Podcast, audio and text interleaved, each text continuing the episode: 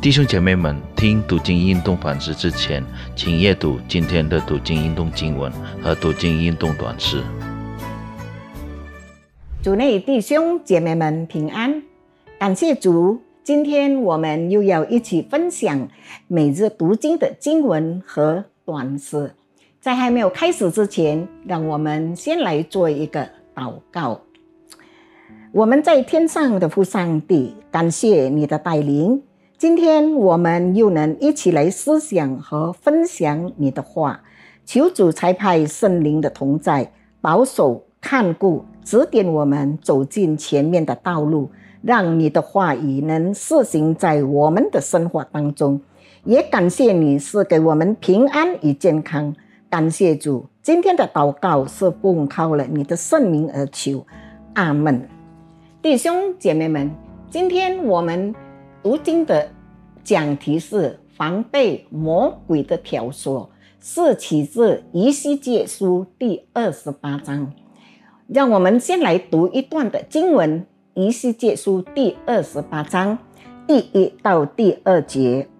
耶和华的话又临到我说：“人子啊，你对推罗金王说，主耶和华如此说：因你的心里高傲。”说我是神，我在海中做神之位。你虽然居心自比神，也不过是人，并不是神。接下来第十一和第十二节，耶和华的话临到我说：“人子啊，你为推罗王作起哀歌，说：主耶和华如此说：你无所不备，智慧充足，全然美丽。”接下来第二十、第二十一节，耶和华的话临到我说：“人子啊，你要向西敦预言攻击他，说：主耶和华如此说：西敦啊，我以你为敌，我必在你中间的荣耀，我在你中间施行审判，显为圣的时候，人就知道我是耶和华。”第二十五节。主耶和华如此说：“我将分散在万民中的以色列家召集回来，像他们在列邦人眼中显为圣的时候，他们在我赐给我仆人雅各之地仍然居住。”弟兄姐妹们，推罗是一个富庶的国家，正如我们昨天所思考的，财富和成功。使他自高自大。本日经文含有两个针对推罗的预言，就是在刚才我们已经读过的第二十八章第一到第十节，第十一到第十九节，一个针对西敦的简短预言，以及对以色列民的应许。第一个预言的开头概括了骄傲为主题，前几章。都是针对了推罗城的，而本章的预言则集中在推罗王身上。他心高气傲地自以为神，完全信赖自己的智慧和财富。上帝将夺走他的财富来惩罚他，使他失去了尊严。他也受到遭受到羞辱和悲惨的死去。第二个预言呢，是一首哀歌，描述了骄傲、试探和堕落的属灵顺序。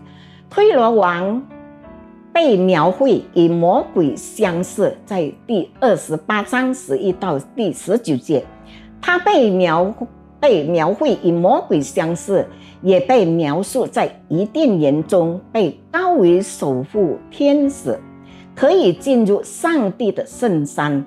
但最终被赶出。先知一世界所传达的审判信息，不仅是关推罗王，同时也针对驱使推罗王犯罪的撒旦。而对推罗北部的姐妹城西敦的简短预言，在与强审判会让他们知道谁是真神。上帝对以色列民的应许是一种安慰，他将重新召集被掳，并将他们带回故土。过他们可以过平安生活的地方。当以色列人被允许在所罗巴伯祭司以斯拉和尼西米的带领下归回时，上帝的应许就应验了。在政治上，他们能重新复国；然而，耶路撒冷和犹太的居民并不全然安全。